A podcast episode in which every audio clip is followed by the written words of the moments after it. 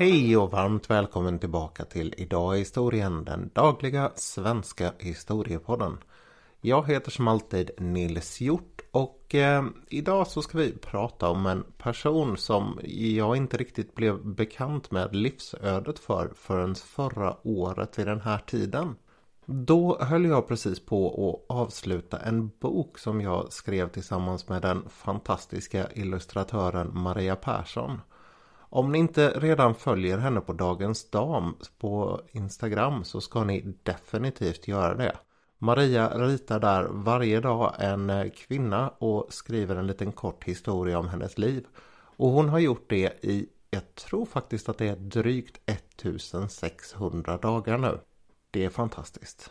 Nåväl, när vi diskuterade sydamerikanska kvinnor att ta med i den här biografisamlingen som boken är så kom Evita Peron väldigt fort på tal. Det är ju onekligen en av de mest kända kvinnorna från Sydamerika. Och som jag sa tidigare så var jag inte särskilt bekant med hennes livsöde.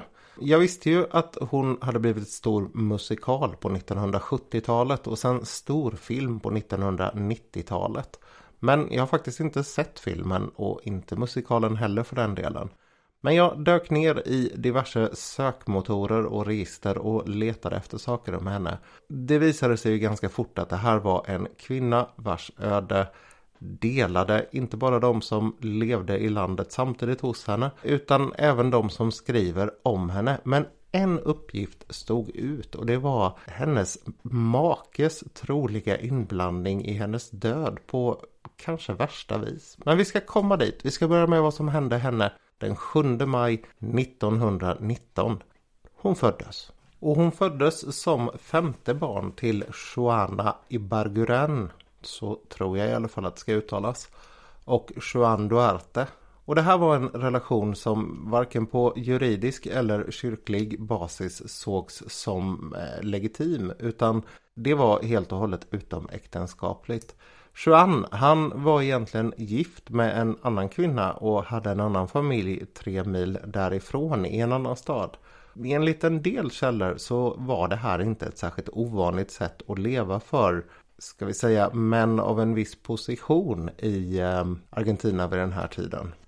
Juan han lämnade familjen som han hade ihop med Joanna ungefär ett år efter att Evita hade fötts. Och han höll sig sedan därifrån när han dog sex år senare då bestämde sig den här familjen för att åka till hans begravning. Och det blev ett hiskeligt liv där. Det var inte alls uppskattat hos hans, ska vi säga då, riktiga familj. Att den här sidofamiljen dök upp. Att på det här sättet behandlas som en fattig oäkting det hände tämligen ofta under Vitas uppväxt. Och det satte djupa spår i henne. Hon blev väldigt revanschlysten och samtidigt så hade hon en väldigt tydlig dragning till rikedom och det fina livet.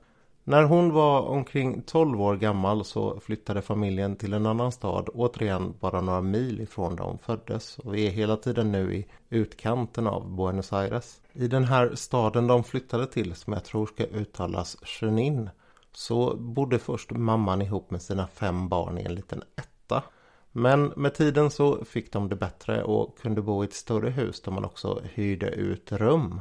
Ehm, de hade allihopa väldigt enkla arbeten. De diskade, städade, lagade mat, sådana här saker hemma hos folk. Och Ita hon tillbringade tydligen en hel del tid med att gå på bio och titta på det fina vackra livet. 15 år gammal så hade hon bestämt sig att det skulle bli hennes och hon eh, stack iväg till Buenos Aires. Återigen så är det här en sån här händelse som det finns många olika historier och varianter på. Det är väldigt mycket så som gäller hennes barndom. I en del versioner så påstås det att hon rymde iväg med en känd musiker som hon hade förfört. Det verkar inte stämma och sen vet man inte ifall det var en musiker med överhuvudtaget eller om hon bara stack själv. Det här är ju väldigt typiskt för att Evita själv när hon blir äldre hon kommer försöka städa undan pinsamma detaljer ur sin barndom samtidigt som hennes motståndare de kommer försöka att eh, krydda hennes uppväxt med eh, mer pikanta detaljer. Till exempel att modern, eller kanske hon själv också, eh, stundtals prostituerade sig. Och det är nog få liv som har blivit så totalt genompolitiserade som Evitas liv. Skådespelardrömmarna gick så där. Det var ingen större framgång på vita duken för henne. Men hon blev efter ett tag en ganska etablerad radioskådis i olika såpoperor och i roller som stora historiska kvinnor. 1943 så var alltså Evita 24 år gammal och det här året så inträffade det också en stor jordbävning i San Juan i Argentina. För offren för den här jordbävningen så ordnade man en sorts hjälpgala. Och förutom Evita då som var inbjuden som eh, stjärna får man väl säga det från radion. Så var där även några representanter från den nya regeringen som militären hade tillsatt efter en kupp. En av de här det var Juan Perón och det uttrycks lite som att eh, Evita hon var ganska opportun och hon visste att i det här läget så fanns det en god chans att militären det var vägen framåt för Argentina. Så hon hade börjat bygga kontakter som skulle kunna bli värdefulla. Ingen skulle dock bli mer värdefull än Juan som hon mötte den här kvällen och det sägs att de gick från den här galan ganska sent.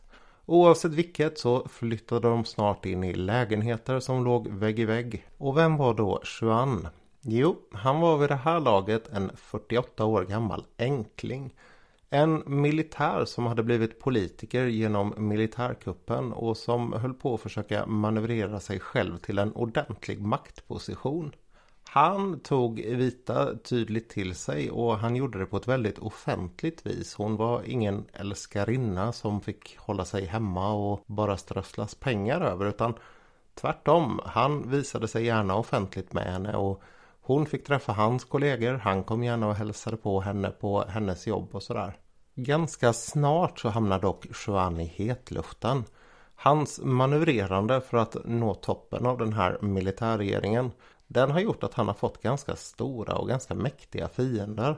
Och han har nått vicepresidentposten när han avsätts och mer eller mindre kidnappas. Det här är i oktober 1945 och det som nu sker det ska göra Evita till en världskändis. Det blir stora, stora demonstrationer. Det pratas om mellan 250 och 350 000 människor som ger sig ut och demonstrerar för att Juan ska släppas fri. Mestadels så är det arbetare. Det var en grupp som han hade väldigt stort stöd bland.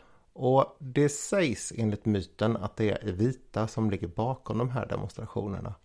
Det stämmer inte för hon hade inte vid den här tiden särskilt stort inflytande.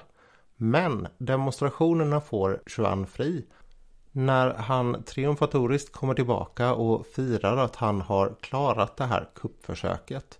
Då friar han samtidigt till Evita. Och väldigt kort därefter så avslöjar han att han tänker ställa upp i presidentvalet som ska vara året efter. Han vinner det här valet storslaget och i samma veva som han blir president så blir ju då självklart Evita landets första dam.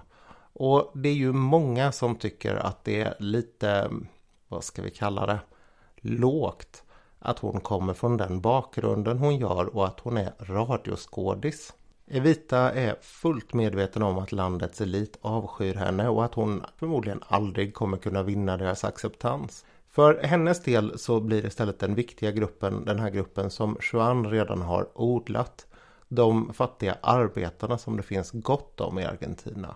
Hon har ingen offentlig post än men hon börjar genom en fond att hjälpa fattiga på olika sätt och vis. Pengarna till den här det kommer in på lite olika sätt. Det är bland annat då motsvarigheten till LO i Argentina, CGT, som betalar till den. Men det är också enskilda arbetare, det är arbetsgivare och sådär.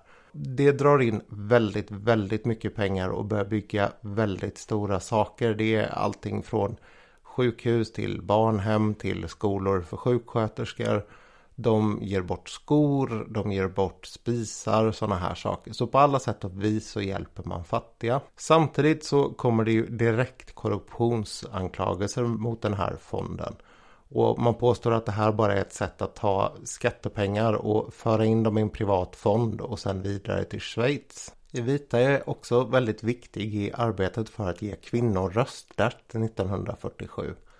Och det är såklart att de här reformerna vinner henne ett enormt stöd i vissa grupper i samhället. 1950 så är hon inte bara en viktig del för att hennes man ska hålla kontakten med de här viktiga grupperna. Utan hon har också blivit en väldigt eh, dominerande del i hans regering. Trots att hon ännu saknar någon form av post så kan hon tydligt avgöra folks öden. Se till att de som inte gillar vad hon gör försvinner. Och att de som stödjer henne får hennes vänliga skjuts i karriären. 1950 blir också ett år som är väldigt intressant av flera anledningar. Juan han har gjort tillägg i konstitutionen för att han ska kunna bli omvald för ännu en period. Och vid sin sida så tänker han sig då att han ska ha med sig Evita som vicepresident. Det här får personer, till och med de i hans närhet, att sparka bakut. Därför man är inte särskilt intresserad av att om han faller bort från presidentposten så blir hon president och överbefälhavare. Han får ge sig i den striden och samtidigt så blir det mer och mer uppenbart att hans fru är väldigt sjuk. Knappt ett år senare i september 51 så får han reda på att hon har cancer. Antingen i livmodern eller i livmoderhalsen. Och det är oklart ifall Ivita själv någonsin får reda på det här.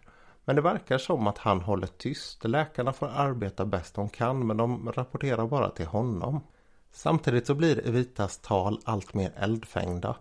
Och efter ett misslyckat kuppförsök mot maken ganska kort efter att han har fått reda på vad det är för sjukdom hon har så börjar hon flytta pengar från sin den här sociala hjälpfonden till att börja köpa vapen för att beväpna arbetarna.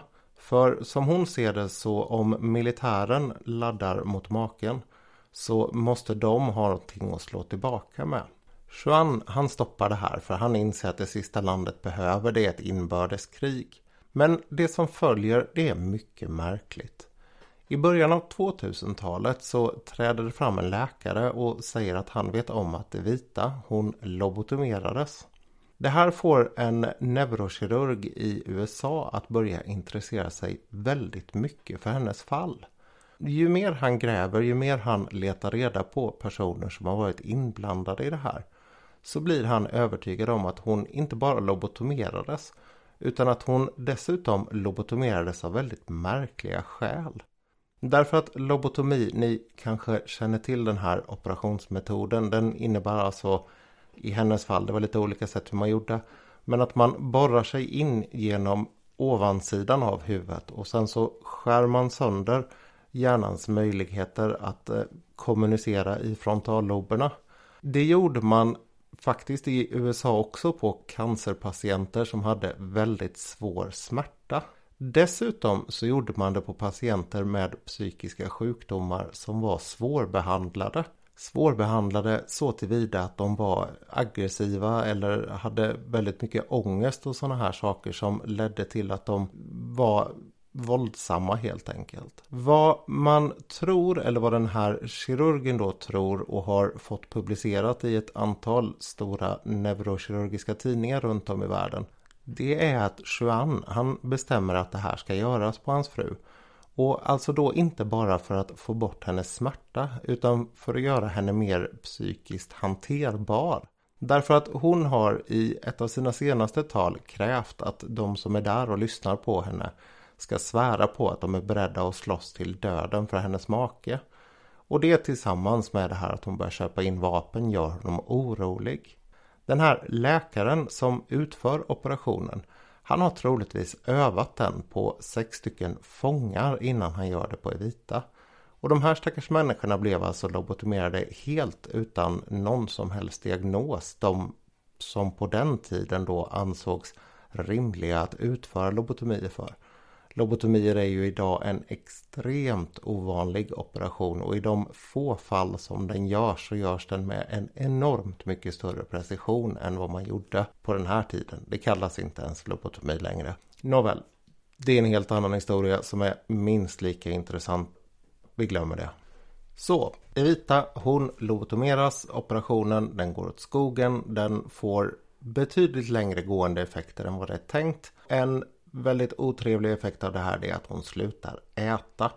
Tittar man på bilder på henne i slutet av livet så syns det att hon har som små fördjupningar uppe på skallen och dessutom så förlorar hon på väldigt kort tid väldigt mycket vikt. Hon avlider i juni 1952 och det är mindre än en månad efter operationen. Det blir såklart landsorg när hon gör det och hennes kropp den läggs på Litoparad, eller Lideparad heter det va? Och två miljoner människor kommer och säger farväl. Man har jobbat hårt för att göra henne till symbolen för peronismen och eh, rättvisan. Man menar att det här nya Argentina man håller på att bygga eh, står för. Hennes självbiografi är obligatorisk läsning för alla barn i skolan och sådär. Efter det så balsameras hennes kropp och förs till CGT, den här eh, landsorganisationen för fackförbund. Där får den sedan ligga fram till att hennes man avsätts efter ett antal kuppförsök, några rejält blodiga sådana. Men 1955 så tvingas han fly och han lämnar sin älskade Evita efter sig. De här kuppmännen de inser att vi kan ju inte ha henne liggande fortfarande offentligt öppet. Utan man ser till att kroppen försvinner. Den lär ett tag ha stått i en lastbil som stod på ett vattenverk.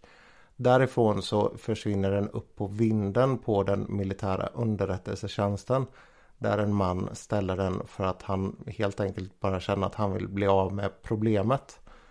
När den nya då antiperonistiska regeringen får reda på att han har gömt den där så sparkas han och så tar man kroppen och skickar den till Milano. Det här är 1957.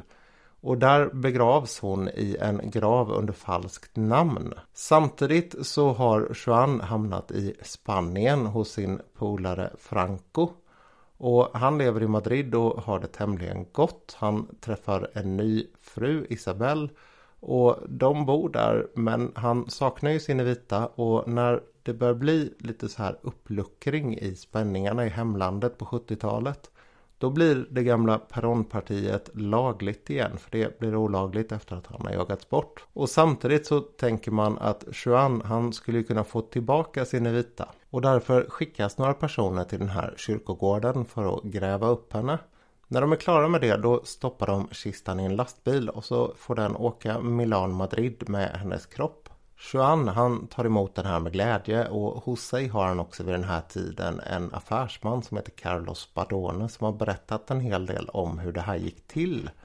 Man tar upp henne ur kistan och så börjar man tvätta av kroppen och se hur pass bra det har fungerat med den här balsameringen och det har fungerat väldigt bra. Hon har lite skador på fötterna och näsan är ihoptryckt. Eh, det ser ut som man har slagit på kroppen och sådär. Men rent generellt så ser hon ganska okej okay ut.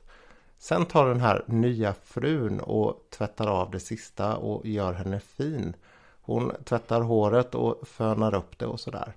Och under de åren som Juan lever kvar i Madrid 1971 1973 då lever han och Isabelle i det här huset de har till sitt förfogande tillsammans med Evitas kropp i sin kista i deras matsal.